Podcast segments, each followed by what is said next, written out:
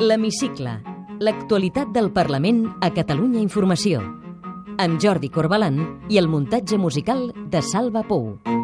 que estem en una situació notablement positiva, de fortalesa, algú podria dir contrapronòstic. Aquesta setmana hem conegut al Parlament els últims indicadors sobre la salut de la llengua catalana. El conseller de Cultura, Santi Vila, entregava a la presidenta Forcadell l'informe de política lingüística de l'últim any, amb dades esperançadores en àmbits com el consum digital i dolentes en d'altres, com la justícia. Benvinguts a l'Hemicicle. L'Hemicicle. L'actualitat del Parlament a Catalunya Informació.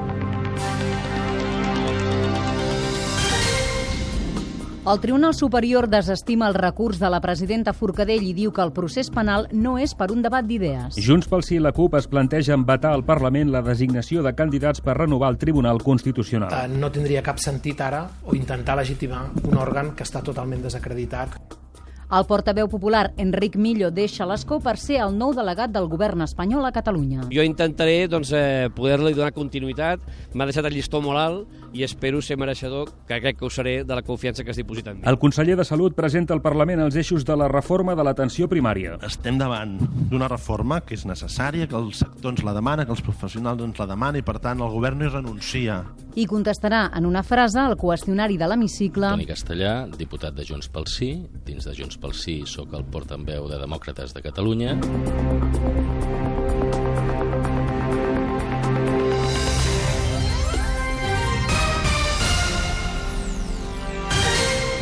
El català és una llengua especialment dinàmica en l'àmbit digital. Per primer cop a Catalunya, els 10 webs que tenen més consultes són en català. Són dades de l'informe de política lingüística del 2015 que el conseller de Cultura, Santi Vila, entregava dimecres a la presidenta del Parlament, Carme Forcadell. Ho expliquem amb Carme Montero. L'informe assenyala que ha augmentat en 7 punts l'audiència de webs en català i que el 54,5% de la població que ha consultat internet ha visitat pàgines en la nostra llengua. Esther Franquesa és la directora general de Política Lingüística. 10 dels 10 webs més vistos a Catalunya són tots en català, eh, 6 de les xarxes socials de les 10 xarxes socials més vistes en català són en català i eh, les, eh, les aplicacions d'interacció com el WhatsApp per entendre'ns, eh, 4 de, de 10 L'informe constata que el 94% de la població de més de 15 anys entén el català i el 80% el sap parlar. Davant d'aquestes dades, el conseller Santi Vila es mostra optimista, tot i que assenyala els punts febles. La llengua catalana, des del punt de vista del coneixement, com sobretot, per exemple, en relació a la utilització en el que en podríem dir la modernitat, l'era digital, gaudeix d'una salut més que notable, tan cert com que continuem ensopegant en àmbits com en la justícia o com en alguna disciplina en matèria cultural, com per exemple el cinema. L'informe fa una exhaustiva radiografia del territori. Sant Cugat del Vallès és la ciutat de Catalunya on més se sap parlar català. Ho fa el 82% de la població, seguida en percentatges similars per Igualada i Girona. A l'altra cara del rànquing de municipis hi ha Santa Coloma de Gramenet, on el 50% dels seus habitants declaren que saben català. L'Hospitalet de Llobregat i Cornellà de Llobregat són les altres dues poblacions amb un índex més baix de coneixement de la llengua catalana. Les Terres de l'Ebre és l'àmbit territorial on més persones tenen el català com a llengua inicial, amb un percentatge superior al 70%. En contraposició, hi ha el cas de l'àrea metropolitana de Barcelona, on el nivell oscil·la entre el 23 i el 35%.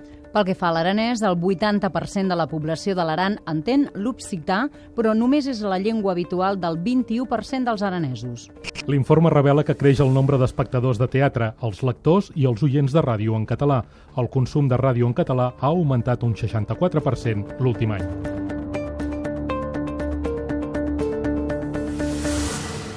L'Hemicicle. L'actualitat del Parlament a Catalunya Informació. Desestimat el recurs de súplica presentat per la presidenta del Parlament, Carme Forcadell, per la querella oberta contra ella. El Tribunal Superior de Justícia argumenta que se la investiga per haver desobeït el Tribunal Constitucional i no pel fet de permetre un debat d'idees. Aquest últim argument és el que Forcadell feia servir principalment en el recurs. La magistrada del cas, Maria Eugènia Alegret, ha demanat al Parlament que li faciliti documentació relacionada amb la causa oberta, concretament el text del reglament de la cambra vigent el 27 de juliol, el el dia del debat i votació de les conclusions del procés constituent i també totes les resolucions adoptades aquell dia i l'acte de sessió de la mesa i també els informes jurídics emesos. En un comunicat, la presidenta del Parlament va refermar que va actuar d'acord amb les seves funcions i que defensarà allà on sigui la seva actuació per protegir la llibertat d'expressió. Doncs eh, Junts pel Sí i la CUP podrien vetar la designació per part del Parlament de candidats per renovar el Tribunal Constitucional.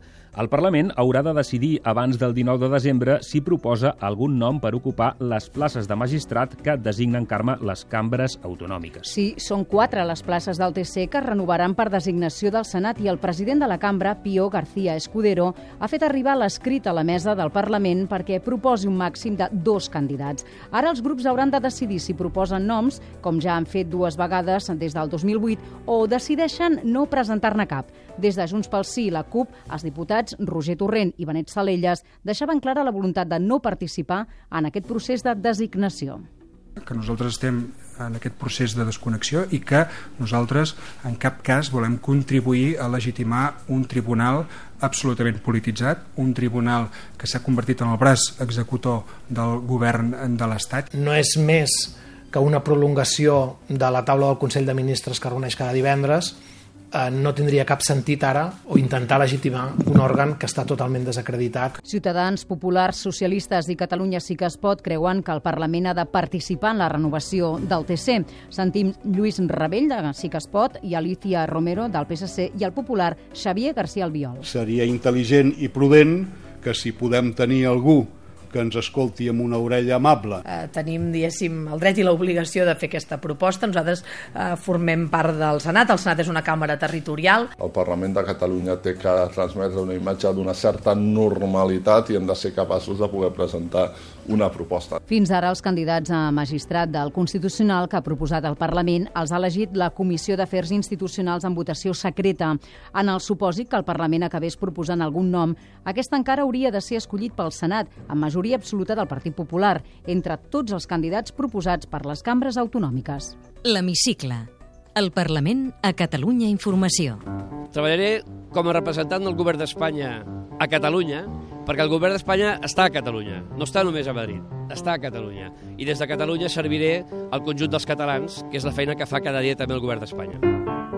El fins ara portaveu del grup popular al Parlament, Enric Millo, qui ara sentíem, ha renunciat a l'escó per convertir-se en el nou delegat del govern espanyol a Catalunya, en substitució de Maria de los Llanos de Luna. Un dels diputats més veterans de la cambra haurà d'administrar, doncs, també l'anomenada carpeta catalana. Enric Millo ha estat diputat al Parlament durant més de dues dècades. Va començar la carrera política a Unió, partit amb el qual va arribar a la cambra l'any 95. L'any 2003 va fer el salt al Partit Popular. Des del 2006 és diputat per aquesta formació i ha encapçalat quatre vegades la llista per Girona. Des del 2010 n'ha estat el portaveu parlamentari. L'Hemicicle. Setmana de comissions parlamentàries. El secretari d'Igualtat, Migracions i Ciutadania, Oriol Amorós, compareixia dimecres davant la Comissió d'Afers Socials per exposar el Pla de Ciutadania i les Migracions. En la seva compareixença, Amorós va anunciar que el projecte de pressupostos pel 2016 destina 9,2 milions d'euros a l'acollida de refugiats, una xifra que representa un increment del 28% respecte a la dotació destinada aquest any. Aquesta partida es destinarà a actuacions per l'acollida de refugiats i també per reforç educatiu.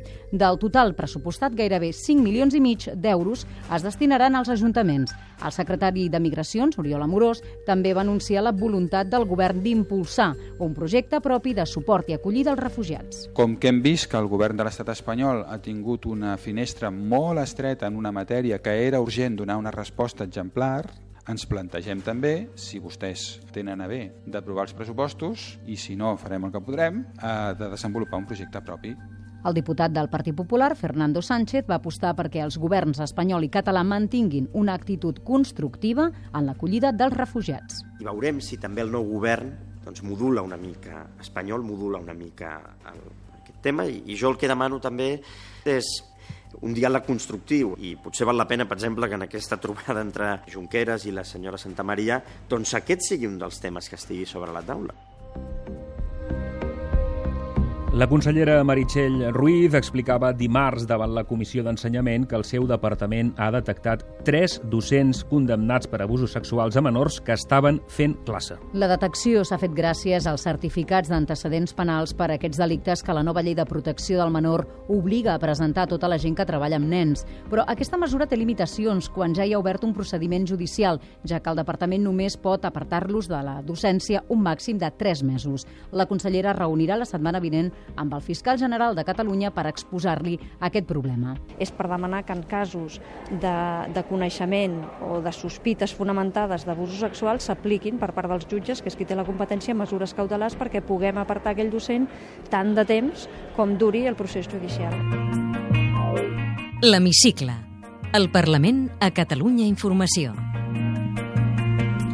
El conseller de Salut ha estat també aquesta setmana a la cambra per presentar el primer document de reforma de l'atenció primària que s'ha de concretar ara en un pla estratègic de cara al març de l'any que ve. Antoni Comín compareixia dijous davant la Comissió de Salut.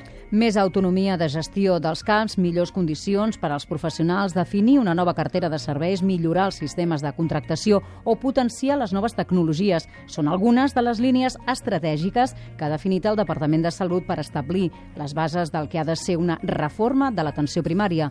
El conseller Comín demanava la implicació dels grups. Estem davant d'una reforma que és necessària, que el sector ens la demana, que els professionals ens la demanen i, per tant, el govern no hi renuncia. Però el govern el que s'hi fa és una oferta al diàleg. L'oposició va recordar al conseller que la xarxa assistencial acumula 5 anys de retallades i li van recriminar que vulgui comprar l'Hospital General en lloc de destinar els diners a altres prioritats. Sentim la socialista Assumpta Escarp, el popular Santi Rodríguez, Jorge Soler de Ciutadans i la rèplica del conseller. L'atenció primària porta una reducció pressupostària d'un 20% en els darrers 5 anys. La senyora Remedios, si li donen hora per d'aquí a 18 dies per ser visitada per al seu metge de família, el més probable és que abans d'aquests 18 dies acabi en un centre d'urgències. No compri més totxo, que no compri més edificis, que deixi doncs, de fer aquests titulars i que, per exemple, solucioni un tema com el d'ahir a la nit. Eh? Ahir a la nit conec el cas particular d'una pobra dona que portava 24 hores per ser ingressada al taulí de Sabadell i va fer una reclamació. Si vostè té 50 milions per comprar un hospital, per què vostè no posa més diners a la primària? Li aclareixo les xifres. Nosaltres hem parlat de 65 milions en 4 anys per l'atenció primària, en canvi l'Hospital General estem parlant de 50 milions en 10. Des de Catalunya sí que es pot, Albano Dante Fachin. Va advertir al govern que estaran molt atents perquè no passi a l'assistència primària el que al seu entendre ha passat en l'àmbit dels hospitals. I la copaire Eulàlia Raguant avisava que la reforma del sistema sanitari no es pot quedar en l'atenció primària. L'autonomia de gestió moltes vegades ha estat el cau de la rapinya. I s'ha de dir així, el cau de la rapinya replantegem-nos tot el sistema sanitari perquè si no tornarem a tenir un sistema sanitari coix on existeixen disfuncions i per tant no acabem fent allò que eh, volem fer. I ja que parlem de salut, la Cambra ha rebut aquesta setmana el diploma de Parlament Saludable per la seva tasca en la promoció de la salut al lloc de la feina. El de Catalunya és, de fet, el primer Parlament d'Europa que rep un reconeixement d'aquestes característiques per complir les recomanacions de l'Organització Mundial de la Salut. La subdirectora general de Promoció de Salut, Carme Cabezas, va entregar el diploma a la presidenta del Parlament, Carme Forcadell, que no es conforma amb la feina feta fins ara i que es marca noves fites. Som pioners som un, un Parlament pioner en tota aquesta tasca, però entenem que eh, com a institució del país hem de donar exemple. I per tant estem treballant en aquesta línia de donar exemple perquè també això s'acabi fent a totes les empreses. Es faran cursos adreçats als parlamentaris i al personal de la cambra amb hàbits saludables per menjar i dormir bé i s'han dissenyat 17 rutes per dins i fora del Parlament per fer exercici caminant. Aquesta setmana ja s'han vist al costat dels ascensors cartells on es recomana pujar i baixar escales a peu. També s'han incorporat missatges informatius a les pantalles dels ordinadors amb consells per ser físicament actius. Aquesta setmana l'activitat de la cambra ens deixa també aquestes altres notícies. El síndic de Greuges, Rafael Ribó, reclamava dilluns més difusió del dret que té la ciutadania a l'accés a la informació. El síndic va compareixer per presentar el primer informe d'avaluació de la llei de transparència. Ribó va remarcar la importància que la ciutadania tingui coneixement dels seus drets. Estem parlant d'un dret que la gent no sap que existeix. Si fem una enquesta sortint d'aquesta casa, al carrer, m'hi jugo el que vulguin amb vostès, que no passaríem del 5% de respostes que ens dirien que saben que tenen un nou dret que es diu dret d'accés a la informació pública. La Comissió de Relacions Institucionals demanava la compareixença de la fins ara delegada del govern espanyol, Maria de los Llanos de Luna, perquè informi de la situació del Centre d'Internament d'Estrangers de la Zona Franca. La sol·licitud de compareixença formulada per Catalunya Sí que es pot es va aprovar amb els vots en contra del PP i l'abstenció de Ciutadans. El popular Juan Milian deixava clar que els CIES són competència de l'Estat. En canvi, Ferran Civit, de Junts pel Sí, creu que la delegada té l'obligació legal i moral de venir al Parlament. És com si ara tots els municipis de Catalunya comencessin a demanar la compareixença del senyor Romeva perquè anés a parlar sobre el seu delegat a, a Lisboa. Esperem que mostri el mateix respecte pel Parlament de Catalunya com també el mateix respecte que mostri amb la Divisió Azul en el qual es condecora i participa als seus actes i esperem que vingui aquí i doni les pertinents explicacions. El grup parlamentari socialista anuncia esmenes als pressupostos perquè els consellers del govern no es tornin a pujar el sou. La diputada Alicia Romero va revelar que els membres del govern cobraran aquest any 6.000 euros més del que van cobrar l'any passat. Per un costat, mentre els diu als funcionaris vostès aquest any només poden cobrar el 20% de la paga del 2012, ells es cobren les dues pagues i s'apugen el sou. Em sembla realment del tot inexplicable. La presidenta Forcadell rebia dijous en audiència el cònsul general del Japó a Barcelona. Naohito Watanabe va expressar a la presidenta la seva voluntat d'enfortir encara més les relacions entre Catalunya i el Japó. El cònsul japonès va admetre que segueixen amb interès la situació política de Catalunya. Hemos hablado sobre el movimiento del mundo, pero naturalmente eh, la política interna eh, como eh, General extranjero, no podemos entrar en nada de esto, pero he dicho que siempre con gran eh, interés y atención estamos observando la situación i el Parlament acollia l'acte inaugural de la Setmana de la Ciència de Catalunya. La presidenta Forcadell va remarcar la necessària vinculació entre la política i la ciència que el Parlament es materialitza en el seu Consell Assessor sobre Ciència i Tecnologia, el CAPCIT. El director general de l'Institut de Salut Global de Barcelona, Antoni Plasència, encarregat de fer la conferència inaugural, va exposar les principals barreres en què es troba el mecenatge científic a casa nostra. És la necessitat de més cultura filantròpica, especialment per la recerca. Probablement l'altre, eh, ser conscients que la fiscalitat ha de suposar, hi ha oportunitats perquè suposi un atractiu diferencial pel, pel, pel mecenatge. I també és important que les institucions, els seus investigadors, els seus professionals, puguin reforçar aquelles estratègies àmpliament de comunicació i de visibilitat eh, social. Té la paraula Hola, sóc el Toni Castellà, diputat de Junts pel Sí. Dins de Junts pel Sí sóc el portaveu de Demòcrates de Catalunya i en aquesta legislatura presideixo la Comissió d'Economia i Finances. En una frase. Com definiria aquest curs polític? Aquest curs polític és el curs on guanyarem la llibertat del país. Com creu que s'acabarà? Jo crec que acabarà bé. Acabarà podent convocar els ciutadans a un referèndum i proclamar la República Catalana. Ha desobeït mai? Sí, suposo que sí. El concepte desobeir és depèn de com s'ho prengui el que desobeeixes, eh? però segur que sí. Aquest novembre ha fet un any de la culminació del procés fundacional de Demòcrates de Catalunya. Se'n penedeix de no haver-ho fet abans? No, no, en absolut. De fet, no, no va néixer pensant que anàvem a fer un partit, sinó que naixem per fer costat al procés plebiscitari. Si no haguessin fet aquest pas ara fa un any, la política catalana seria on és avui? No. Jo estic convençut que si no haguéssim fet aquell pas, no s'hagués creat Junts pel Sí. Demòcrates assolirà la maduresa política des de dins de Junts pel Sí? Des de dins i des de fora. L'objectiu de Demòcrates és unitat amb Junts pel Sí, però presentar-se com a partit a les properes constituents. Vostè presideix la Comissió d'Economia del Parlament. Creu que tindrem pressupostos aquest 2017? Així ho espero. Un referent polític? Carrasco i Formiguera. Vostè és diputat al Parlament des de l'any 99. Aquesta és la seva sisena legislatura. Han canviat gaire les coses a la cambra des que hi va arribar? Moltíssim. Probablement una cosa bona és que ara estem enfocant realment la llibertat del país. Una cosa dolenta és que en aquell moment eh, havia gent molt més preparada que nosaltres. A què es dedicava professionalment abans d'entrar de ple a la política? Jo estava en el món de l'empresa privada. Antoni Castellà ha estat també secretari d'Universitats i Recerca. Com veu la salut científica del país? Som el pol de coneixement més important del sud d'Europa. Vostè és membre, tinc entès, dels castellers de Vilafranca. Fa castells? Menys del que voldria, ara fa molt temps que no hi vaig, però m'agrada molt. I què el vincula amb el drac de Sant Quintí de Mediona? Doncs eh, que la meva dona és de Sant Quintí i formo part d'aquesta colla, per tant sóc portador del drac. Estaria disposat a acollir una família de refugiats a casa seva? Sí, i tant. Recorda què volia ser quan era petit. Volia ser metge. Digui'ns un parell de qualitats seves. Jo crec que sóc empàtic i sóc constant. Va, i ara un parell de defectes. Soc molt tossut. Seran... Soc tan tossut que seran els dos. Posarem al quadrat. Acostuma a donar almoina? Sí. Deixa propina? Sí. Quants diners porta a la cartera habitualment? 20-30 euros. Viu de lloguer o de propietat? Propietat. Paga hipoteca? Sí. Segona residència? Sí. Pla de pensions, mútua? No. On s'escapa quan vol desconnectar del tot? Es pot, eh, a l'alta muntanya, i quan puc també al mar, Sant Feliu de Guíxols.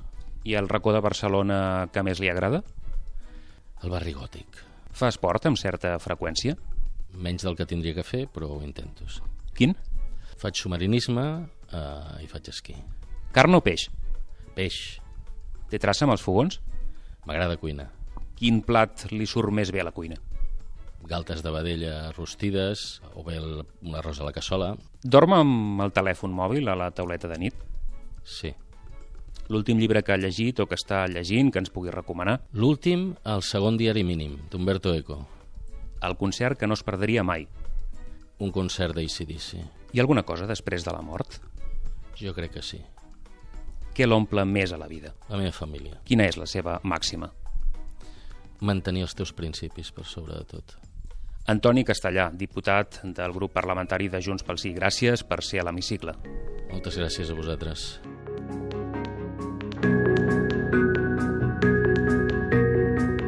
Podeu tornar a sentir l'hemicicle al web catradio.cat barra hemicicle i seguir l'actualitat del Parlament al compte de Twitter arroba cati-política.